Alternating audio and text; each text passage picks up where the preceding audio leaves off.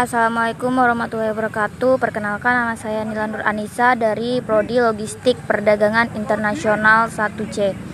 Di sini saya akan menjawab cara meredam kegaduhan dalam demokrasi di Indonesia, yaitu diperlakukan kepemimpinan dengan adanya kepercayaan masyarakat dan adanya demokrasi seperti demokrasi yang berketuhanan yang Maha Esa Artinya demokrasi yang berketuhanan yang Maha Esa berarti dalam sistem penyelenggaraannya harus taat, konsisten dan juga sesuai dengan nilai dan kaidah dasar ketuhanan yang Maha Esa.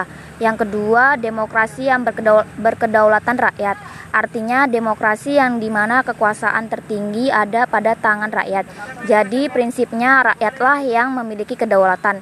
Yang ketiga, demokrasi Pancasila dengan pemisahan kekuasaan negara. Artinya, demokrasi Pancasila menurut Undang-Undang Dasar 1945 ini mengalami pembagian dan pemisahan kekuasaan dengan sistem pengawasan dan perimbangan. Yang keempat, demokrasi dengan hak asasi manusia.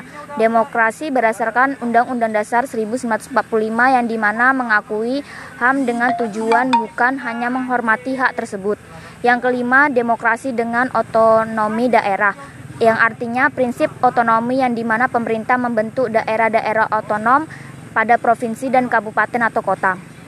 Yang keenam, demokrasi dengan kemakmuran, membangun negara yang makmur oleh dan untuk rakyat Indonesia yang mencakup semua aspek hak dan kewajiban, kedaulatan rakyat, pembagian kekuasaan, otonom daerah maupun kedaulatan hukum.